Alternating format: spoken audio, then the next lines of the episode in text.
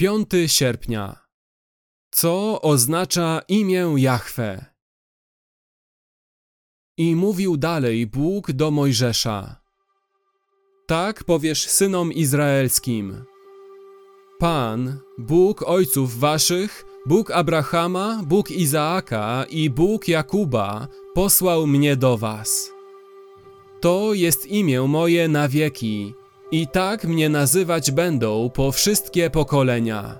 Księga Wyjścia 3:15 W Biblii imię Boże prawie zawsze jest tłumaczone jako Pan. Lecz w języku hebrajskim brzmi ono bardziej jak Jahwe i jest zbudowane na wyrażeniu Ja jestem. Za każdym więc razem, gdy słyszymy słowo Jahwe lub słowo Pan, powinniśmy pamiętać, że to jest właściwe imię, jak Piotr czy Jan, zbudowane na wyrażeniu Ja jestem i przypominające nam za każdym razem, że Bóg definitywnie jest.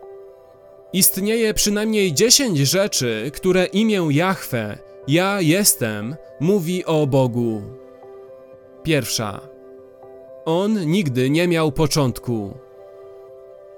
Każde dziecko pyta: Kto stworzył Boga? A każdy mądry rodzic odpowiada: Nikt nie stworzył Boga. Bóg po prostu jest. I zawsze był, nie miał początku. Druga. Bóg nie ma końca. Jeśli nie został stworzonym, nie może przestać istnieć, ponieważ on sam jest istnieniem. Trzecia. Bóg jest najwyższą rzeczywistością. Nie ma rzeczywistości większej niż On. Nie ma rzeczywistości poza Nim, chyba że zechce ją stworzyć. Jest od wieczności. Nie było żadnej przestrzeni, żadnego wszechświata, żadnej pustki. Tylko Bóg. Czwarta. Bóg jest całkowicie niezależny. Nie potrzebował nikogo i niczego, aby istnieć lub aby mu pomóc, lub sprawić, aby był takim, jakim jest. Piąta. Wszystko, co nie jest Bogiem, jest całkowicie zależne od Boga. Cały wszechświat jest kompletnie drugorzędny. Został stworzony przez Boga i istnieje w każdej chwili swojego istnienia na podstawie Bożej decyzji, który utrzymuje jego istnienie. Szósta. Cały wszechświat jest niczym w porównaniu z Bogiem.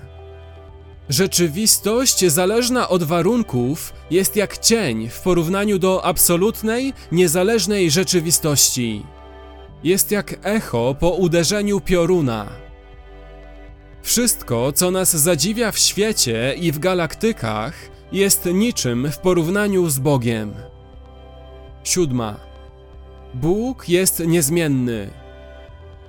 Jest taki sam wczoraj, dziś i na zawsze. Boga nie da się ulepszyć. Nie staje się kimś. Jest tym, kim jest. Ósma.